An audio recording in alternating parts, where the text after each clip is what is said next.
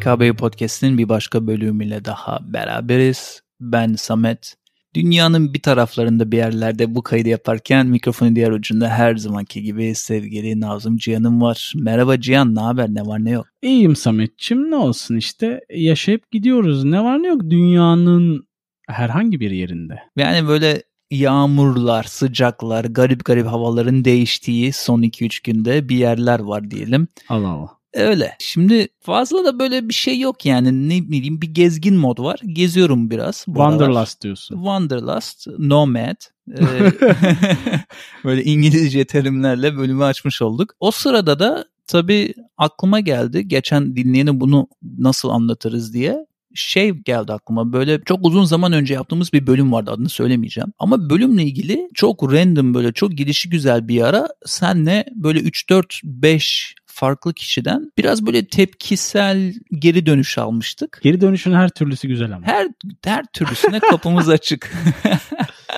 Buradan da aklıma niye geldi onu söyleyeyim. Şimdi bugün yapacağımız bölüm de bir külte dair. Evet. E, dolayısıyla o bölüm de onunla ilgili bir şeydi. Oradan bir bağlantı kurdum büyük ihtimalle zihnimde. Öyle Hı hı. bir aklıma geldi söyleyeyim dedim. Buradan da hani mesaj vermek için aslında bu konuyu açtım. Bizim bu kadar 200'e aşkın bölüm yaptığımız bir ortamda anlattıklarımız veya fikir edindiklerimiz şeylerle herkesin hem fikir olmasının hiçbir şansı yok zaten. Öyle bir amacımız var Öyle mı bir bilemedim. amacımız da yok. Ama şöyle de küçük bir hatırlatma yapıp bölüme geçelim istersen. Herhangi biri herhangi bir küçük bütçeyle bir mikrofon alıp kendi fikirlerini de podcast ortamında sunabilir diyeyim ben. Başka da bir sözüm yok Hakim Bey. E, bugün benzer olmasa da tarih içerisinde yok olmuş bir tarikattan bahsedeceğiz. Yoksa yok olmadı mı? Kafanı salladığını görüyorum. Yani benzeri eşi benzeri bulunmayan ultra bir sonu olan tarikat Evet. anlamında saldım. Yoksa doğru diyorsun. Evet evet. Onu demek istedim aslında. Tabii tabii tamamen şu an yok olmuş bir tarikattan bahsedece- bahsedeceğiz. Kült de diyebiliriz herhalde. Yani Türkçe'de kült geçerli mi o yüzden bilemedim ama tarikat daha böyle insanların kafasında canlandığında ben tarikat kelimesini seviyorum. Johnston kült slash tarikatını bugün sevgili dinleyenle konuşacağız. Aslında Amerika aslında- eksenli tarikatların ucu bucağı yok Ya sevgili as- dinleyen. Aslında tarikattan ziyade sevgili Cihan bence Jonestown katliamını konuşacağız. Çünkü tari- tarikatın kendine dair hani böyle çok dediğin gibi aman aman bu da ne kadar değişik bir tarikatmış canım hiç de diğerlerine benzemiyor diyeceğimiz hiçbir tarafı yok. Hemen hemen hepsi birbirinin kopyası ama burada hayatı kaçık kılan en büyük fark Jonestown adını verdikleri sonradan yerleştikleri ki bunun aynısına şimdi gireriz. Yerde olan bir benim deyim yerindeyse katliam olarak Kesinlikle adlandırdığım katliam. bir durum söz konusu. Bu bölümü yani bu bölümü ben seçtim. Böyle biliyorsun tarikatlara falan bayağı ilgim vardır. Amerika'da Ee, tarikat bırakmayan bir podcast olma yolunda. Evet. İlerleyin. Bu arada ilginçtir. Amerika'da diyoruz ama hikayemiz bizi bambaşka yerlere götü- götürecek coğrafya olarak. Ya orası öyle ama temellerinden de bahsetmek lazım sevgili dinleyene. Kurucusu Jim Jones. Bunu bir kenara yazalım. 1951'de Indiana Komünist Partisi'nin toplantılarına katılmaya başlıyor. Sonrasında partilerin halkı yanlış yönlendirdiği, manipüle ettiği ve komünizme karşı doldurduğuna inanarak gerçek Marksizmi insanlara yaymak amacıyla kiliseye sızmaya karar veriyor. Bu tanım olarak benim çok dikkatimi çekti. Sonrasında bayağı polyanlacılık yaparak, böyle gülücükler saçarak kiliseye topladığı yardımlar, böyle eşitlikçi vaazlarıyla birlikte bayağı popüler de oluyor. Ve özellikle toplumdan dışlanmış, eşitlikten bahsediyoruz ki bahsettiğimiz yıllar 1950'ler Amerika için zor yıllar. Sen de bilirsin Sametçim. Daha çok işte toplumda yer edinememiş, dışlanmış insanları çevresine topluyor ve bir noktada hakimiyeti eline geçiriyor kitle olarak. Halklar tapınağını kuruyor yani. Halklar Tapınağı'nı kurmadan önce şöyle bir şey yapmış. Sen onu gördün mü bilmiyorum. İnanılmaz iyi. Üç kağıt. Bir vaazı sırasında tekerlekli sandalyeye mahkum bir kadını iyileştirmiş. İzledim görüntülerini. kanser hastası bir kadını da iyileştirdikten sonra kanser hastası birkaç kişinin tümörlerini çıkarmış. Yani bunlar tabii ki üç kağıt sevgili dinleyen. Tekerlekli sandalyedeki kadın sekreteri, Hı hı. çıkardığı tümörler ise tavuk ciğeri. Hı hı. Ama bu karşıdaki kitlede ilahi bir durum yarattığından dolayı kiliseye gelenlerin sayısı her geçen gün artmakla birlikte Samet'in ifade ettiği şeyi kuruyorlar. E, Halklar Tapınağı'nı kuruyorlar. Halklar Tapınağı'nı Ya kuruyorlar. aslında olayın hafif derinlerine girdiğinde kendisi birkaç tane yine iyileştirici olduğunu iddia eden medium ve meditasyоncuyla tar- tanıştığında onların aşırı büyük paralar kazandığını ve iyi takip edildiğini, tapınıldığını görüyor. Bunu da kiliseye monte ederim ben deyip o dediğin üç kağıtı oradan kuruyor. Bunun bir gideri var deyip. Çünkü Çok iyi ya. bu arada çocukken de bu Jim Jones sürekli mesela siyahi çocuklar ayrıştırıldığında okulda falan gidip onların arasına otururmuş. Sizi ötekileştiriyorlar. Ben sizi kabul ediyorum beraber oturalım diye. Hatta çalışırken bölümlerden birinde onun üzerine çalışırken onun hayatına From Progressive Person to Predator diye yazıyordu başlığını. Yani progresif ya. ilerleyici insandan bir yerde bir şeyler yanlış gittiğinde bir işte predatöre dönen, avcıya dönen bir insana Hı hı. aslında evriliyor. Aslında bu küçük bir yerde doğup çok fakir bir yerde büyüyen bir kişi. Ama sonrasında dediğin gibi Halklar Tapınağı'nı kuruyor. O dediğin bazı ilginç şovlarını yapıp arkasına iyi bir kitle alıp sonra bu Indiana'da olan durumu Evet. Kaliforniya'ya taşımaya karar veriyor. Niye? Çünkü tarik- tarikatların Evet çiçekler ya. gibi açtığı her Şey- zaman kendimizi bulduğumuz yer Kaliforniya. Hani bazı ekinler iyi olur ya bazı topraklarda. Tarikatlar da Kaliforniya'da iyi be Samet. San Francisco tarafında. Evet abi illa oraya gideceğim diyor adam. Ya aslında şaka bir yana 1960-1970'lerden bahsediyoruz. Biliyorsun bu hippilerin ve freedom, liberal bilmem Tam ne zirve zamanları. coştuğu zamanlar. O sırada böyle bir gençliğin aşırı kolektif bir depresyonu var. Kendimi bulmalıyım, kendimi aramalıyım misyonu var. Dolayısıyla Hı hı. tarikatlar bunun farkında olduğu için oraya gidiyorlar başka yere gideceklerini. Çünkü kaybolmuş gençliği ben kendi içime çekeyim modunda mükemmel bir yere dönüşüyor. Ama Kaliforniya'da şöyle ilginç bir şey oluyor. Buraları çok uzatarak geçmek istemiyorum. Daha sonraki asıl bölüme geçelim diye. San Francisco'ya taşınmaya karar verdiğinde Halklar Tapınağı'nın merkezini orada daha fazla dikkat çektiği için ismi ki birazcık politikaya da karışmış orada o yüzden ismi biraz gündeme geldiğinde bazı gazeteciler onunla ilgili yayınlar yapmaya başlıyorlar ve yayınlarda ciddi makalelerde, haberlerde magazinlerde ciddi anlamda onun kendi yarattığı Halklar Tapınağı'nın içinde hem şiddet hem de taciz olayları olduğunun iddialarını gündeme getirdiklerinde sevgili Jim Jones ne yapıyor? Bayağı bir korkuyor, paniğe kapılıyor ve zaten onun peşinde olan bin civarı aşırı tutkulu, beyni yıkanmış, onu neredeyse peygamber gibi gören insanlara diyor ki bizim buradan gitmemiz lazım. Bu toplum bizi Buna hazır değil. evet bizi yok etmek istiyor falan diyor ve kendine bir yer seçiyor. Evet. 1970'lerin ortasında Guyana'ya, ormanlık bir alana taşınıyorlar. Senin de dediğin gibi hem medyadan kaçmak, ilgi odağı olma potansiyelinden kaçmak. Orman da ne orman ama. Yani bir yere uçuyorsun ana başkente oradan küçücük bir uçakla Hiç- başka bir yere uçuyorsun. Evet evet. Hiçbir şeyin iniyor. olmadığı yer. Evet oradan toprağa iniyorsun. Oradan tekrar bir traktöre falan biniyorsun. Benim en çok şey dikkatimi çekti. Kasabaya bir isim veriyorlar ya. Evet. Jonestown. Jonestown bölümün adı aynı. O yüzden yani ne kadar ben Mütevazi. merke- ben merkezli ve mütevazi bir organizasyon. Ondan sonra kasabayı oluşturuyorlar. Kasabanın her yerine Jim Jones'un vaazlarını ve emirlerini iletmek için hoparlörler yerleştiriyorlar. Bayağı alacakaranlık kuşağı gibi bir şey yapıyorlar. Ama senaryonun değiştiği bir nokta var. O noktaya gelmeden belki senin ufak bir Evet evet. olacak. Şimdi oranın ortamını biraz dinleyene böyle hayal ettirmek için anlatalım. Öncelikle giderken oraya onun Halklar Tapınağı sosyal bir sosyal hizmet ağı gibi veya işte çorba dağıtan, sosyal yardımlar yapan, ne bileyim kendi ailesine mesela Gökkuşağı ailesi adını vermiş. Çünkü işte Rengarenk. bir Asyalı, bir siyahi, bir bilmem ne her yerden çocuklar evlat edinmiş falan. Aslında çok güzel bir şeyden de bahsediyoruz bu gökkuşağı tanımıyla. Hani eşitlikçi Hı hı, bir tarafı var. hı hı. Ama gerçekte öyle olmaması ve insanları kullanması tarafıyla da hayal kırıklığı. Ya gidene kadar çizdiği portre bu. Şimdi Evet, oraya evet. gidene kadar böyle sosyal bir şeydir bu halklar tapanağı. Çorba dağıtır fakirlere, evsizlere battaniye dağıtır falan böyle bir şeyle portre Hı hı. çiziyor. Gittiğinde Jonestown diye sıfırdan kurduğu yere ki tamamen ormanı yakıp yıkıp bir kocaman bir merkez kuruyor bu arada takipçileriyle. Zaman geçmeye başladıkça insanların pasaportlarına koymalar ki bu diğer bölümlerde sürekli konuştuğumuz bir şey. Çünkü o zaman mahkum hissediyorsun seyahat edemediğin için.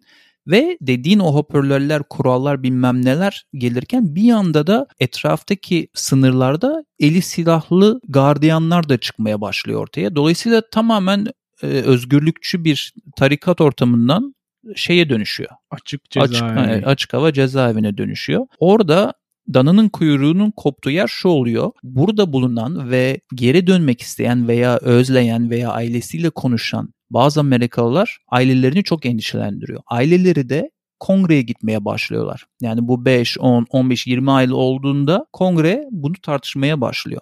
Dana'nın kuyruğunun koptuğu yer kongreden Leo Ryan'ın çünkü bildiğin bir Amerikalı resmi bir adam yani bu. Kalkıp 1978'de Guayana'yı yani Johnstown'u ziyaret etmeye karar vermesiyle orayı teftiş etmesiyle hatta kendi verdiği röportajda şey diyor gideceğim göreceğim mutlular mı değiller mi eğer eve dönmek isteyen varsa gitmişken onları da eve getirmek isterim diyor. Böyle bir kafayla Hı-hı. yola çıkıyor. Orada Hı-hı. Dana'nın kuyruğu kopuyor. Çünkü vardığında Jonestown'a işler baya bir rayından çıkıyor deyim yerindeyse. İnceleme heyeti oraya ulaştığında aslında olayın farklı olduğunu direkt anlıyor. Çünkü bir kısım üye onlarla beraber geri dönmek istediğini söylüyor. Leo Ryan ve ekibine. Bunu söylerken de çok gizlice yapıyorlar korktukları için. Tabii. Cebine yani kağıtlar sıkıştırmışlar falan. Mecbur çünkü tamamen izlenen ve oraya o heyetin inceleme heyetinin geleceği bilinen bir dönemden bahsediyor Samet. Haklı olarak da insanlar kendi savunma mekanizmalarını bir şekilde korumaya çalışıyorlar. Fakat bu Jim Jones'un tabii ki gözünden kaçmıyor. Bu insanların geri dönmemesi için her türlü tehdit ve şantajı yapıyor aslında. Ama işin garip tarafı bu insanlar o uçağa binmeye gözü kara bir şekilde Kararlı. kararlılar. Uçağa doğru yol alıyorlar değil mi Samet? Evet hatta içlerinden bir tanesi baba olan bir tanesinin eşi ve çocuğu hala kamptayken o kadar artık göz almış ki onları bırakarak gidiyor. Hatta o senatör de diyor onları da daha sonra getiririz eğer onlar da dönmek isterse merak etme falan diyor. Yani Jonestown'da şöyle bir şey oluyor. Heyetin başındaki Leo Ryan'ın geleceğini duyduğunda zaten Jonestown onun yani Jim Jones'un önderliğinde ve emrinde bir festival düzenliyor. Bu kaçacağız dedikleri andan önce bir gece önce eğleniyorlar. Hatta bir görüntü var YouTube'da. Leo Ryan dans pistinin ortasında mikrofonu alıp konuşma yapıyor. Konuşmada şey diyor. Ya buraya gelirken bir sürü şikayetler, soru işaretleri aklımda, endişeler falan vardı. Bu gece bu ortamı soluduktan sonra bundan daha iyi bir ortam tahmin edemezdim geldiğimde. Mükemmelsiniz gerçekten diyor ve herkes alkışlıyor falan. Böyle bir yapmacık danslı, işte yemekli, ne bileyim lokumlar falan sunulmuş. Şaka yapıyorum öyle bir şey yok. Böyle bir ortam yapıyorlar yani bayağı bir şımartıyorlar adamı. Ertesi gün tekrar gittiğinde oraya sabahında böyle bir festival ortamı yokken o zaman ilk bir kişi kağıt sıkıştırıyor eline. Orada bir uyanıyor. Uyandığı zaman açık davet yapıyor. Başka kim gelmek ister diye bir 15-20 kişi öne adım atınca senin de dediğin gibi Jim Jones baya bir paniğe kapılıyor ve işlerin çirkinleştiği yer sanırım 3. gün falandı veya 4.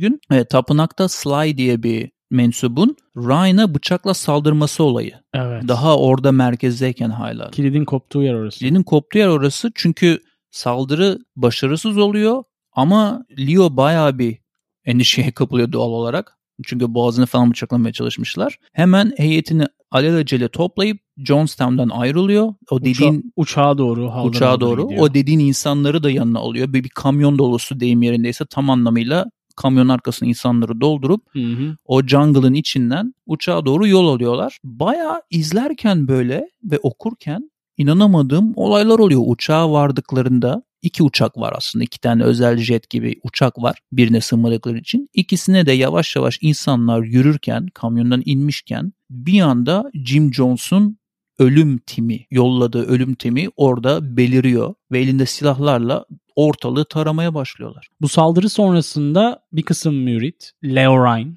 ve heyetten bazı üyeler, gazeteciler hayatlarını kaybediyor. Baya aksiyon filmlerindeki bir sahne gibi bir olay bir anda gerçekleşiyor ve o uçaklar oradan kalkmıyor. Ben sonrasıyla ilgili bu kadar hani plansız bir şeyin olmuş olabileceğini düşünmüyorum Samet. Sanki şey gibi acil anda o camı kırıp o butona basmak gibi bu saldırı sonrasında yaşanan katliam. Evet ama bu arada o saldırı da planlanmış çünkü bir kısmı uçağa binmişti. O tüfekli o insanlar ortaya çıktığında uçağa binenlerden biri de sanki ayrılmak istiyormuş gibi numara yapıp aslında Johnson adamı olan aynen yanında bir anda uçağın içine otururken silahını çıkarıp yanında oturanı falan vuruyor. O kadar planlamışlar. E, NBC kameramanı varmış orada. Çi- Gayet de ciddi bir kanal yani zamanına göre. Evet. Ve o adam baya bir saldırıyı görüntülüyor kamerasıyla. Ve saldırı bittiğinde de kaset yayınlanıyor. Yani şu anda izleyebileceğin bir şey. Bir kısmı yayınlanabiliyor o görüntülerin. Ama dediğin gibi on, sonrasını asıl bu bahsettiğimiz katliam bile değil. Ön katliam diyebiliriz buna. Evet evet. Çünkü sonrasında Başka şey dünya oluyor. tarihinin en yüksek sayıda kitlesel olarak intiharın olduğu ki buna ben katılmıyorum. Hani internette baktığın zaman biggest mass suicide diye geçiyor. Benim için ama katliam olan bir durum ortaya çıkıyor. Jim Jones aynı zamanda kendi kampında bu saldırıyı beklerken yardımcılarından biri gelip şey diyor. Hani bu başarıyla yapıldı bilmem işte şunlar öldü şöyle oldu falan filan diye söylüyor. O da insanları bir araya topluyor. Bu arada insanları toplarken White Knight diye bir kod kullanmış. White Knight kodunu hoparlörden çağırdığında herkes ne yapıyorsa gecenin ortası da olsa gündüz de olsa bırakıp toplanması gerekiyor orta yerde. Onu yapıyor ve sonra bir konuşma yapıyor. FBI'ın katliam sonrasında eline geçen ve şu an internette de olan 45 dakikalık bir kaydı var bu son konuşmasının. Bu konuşmayı yapıyor. Bu konuşmada uçakta işte Leon'un başarıyla durdurulduğunu falan söylüyor açık açık. Ve sonrasında da bütün insanları, takipçilerini rakamı biraz değişiyor. O yüzden artı 900 diyeceğim. Hani bazen Hı hı. 913 gördüm, 907 gördüm ama artı 900 Evet. insan ki bunlardan yaklaşık 300'ünün çocuk olduğu bir 900 insana bildiğin bir açık çağrı yapıyor ve şey diyor. Onların eline düşmektense kendi kendimize son verelim daha iyi diyor. Ve gariptir hepsi olmasa da çoğu insanları buna yani kayıtta dinleyebilirsin ben dinledim. Çoğu insanlar bunu alkış tutup seviniyor. Çığlıklar atıyor falan. Tam olarak işte amacına ulaşan bir profilden bahsediyoruz. Tabii ki bu %100 hiçbir zaman olmayacak ama hatırı sayılır bir sayıya ulaşıyor. Bir kısım insan da yani Hristiyanlıkta intihar etmenin günah olduğunu ve bunu yapmayacaklarını söylüyorlar. Ama ve lakin sonra bu insanları köşeye çekip silah zoruyla ya içersin Aynen. ya sıkarız moduna sokulur. Çoğu gönüllüymüş ama bazılarını silah zoruyla yapmışlar. Bir de yani siyanürü yıllarca satın almış, depolamış o gün içirmek için Kesinlikle. meyve ya. suyuyla Nükleer karışık. gibi ya. Kool-Aid ile karışık. Evet. Yıllarca bunu toparlamış ve çoğu zaman da konuşmalarında bugünün geleceğini söylüyormuş. Aklında hep varmış böyle bir son aslında vakti geldiğinde. Müritlerin de %68'i siyahiymiş. O enteresan bir not şaşırtmasa da. Evlerde yapılan aramalarda pek çok günlük ve intihar notunda intihara zorlandıklarını açık açık artık kurbanlar diyeceğim bu insanlara. Kurbanlar ifade etmişler. Trajik bir olay. Hatta 11 Eylül olaylarından önce olmasıyla birlikte Amerika tarihinde en çok Amerikalının aynı anda öldüğü bir, bir, olayda evet. katliam olarak da tarihe geçiyor. Uzun süre bir numarayken sonra iki numaraya düşüyor. Böyle bir durum oluşuyor. İki kişi kurtulabilmiş. Bir tanesi 79 yaşında işitme engelli bir hanımefendi. O uyuyormuş yatağında ve hiçbir anonsu duymamış.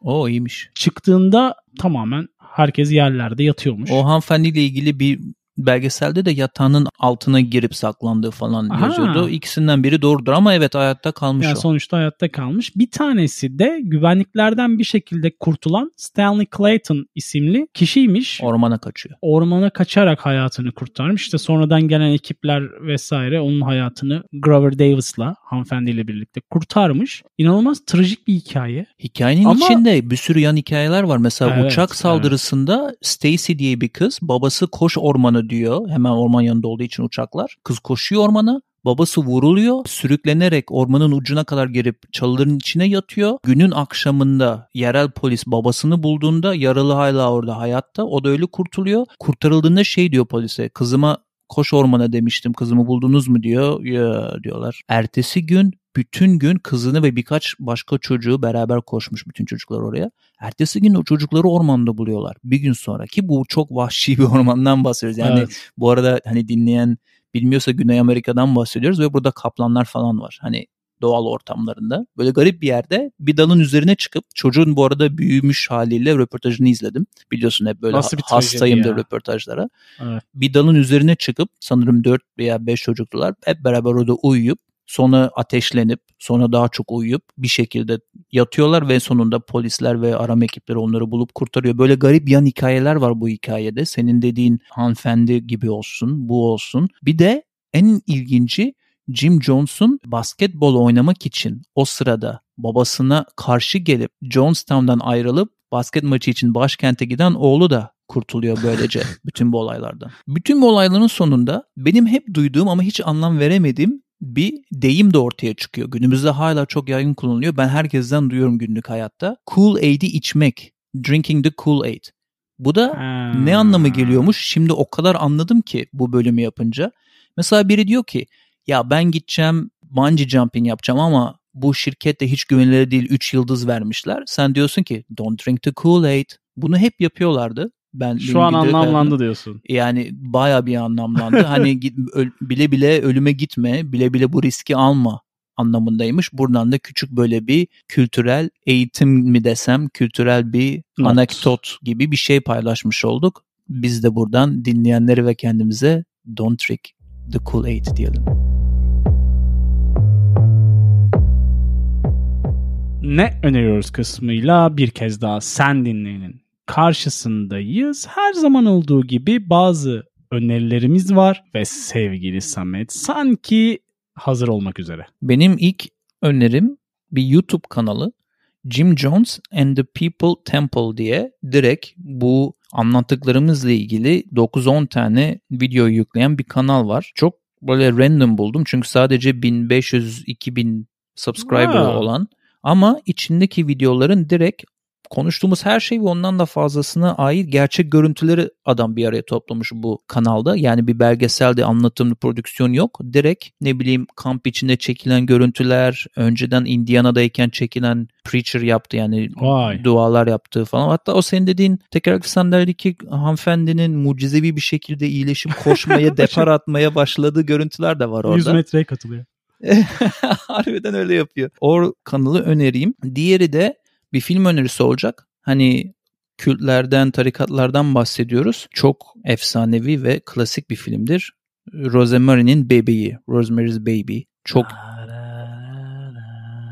eski film ve korku filmi sevenler için birebir bir öneri. Kesinlikle soundtrack'ini çok güzel bize ilettin şu anda. Hemen çok uzatmadan lafı HKBO dinlencesine de iki tane şarkı ekleyip köşeme çekileyim. Bir tanesi Iron and Wine grubundan Vay. Flightless Bird, American Mouth. Diğeri de Julia Pietruccia'dan ismini zor söylüyorum. We Care So Much isimli şarkı. Bunları da öneriler ekleyelim. YouTube, Deezer ve Spotify'da bulunan şarkı listemize. Öneriler için teşekkür ediyoruz Sametciğim. Ben de bir tane YouTube'dan video önereceğim. Kanalın adını biraz zor söyleyeceğim ama beni affedin diyorum. Artık bölüm notlarından görebilirsin sevgili dinleyen. Kanalın adı JX My High Roller. Kolay söyledim ya. Video, video ise Chicago zamanında böyle hani saha içerisinde işte şuradan şutu sok şu kadar ödül alacaksın etkinlikleri olur ya diğer potanın altından öbür potaya basket atarsa 1 milyon dolar ödül kazanacak olan yarışmacı sahaya giriyor.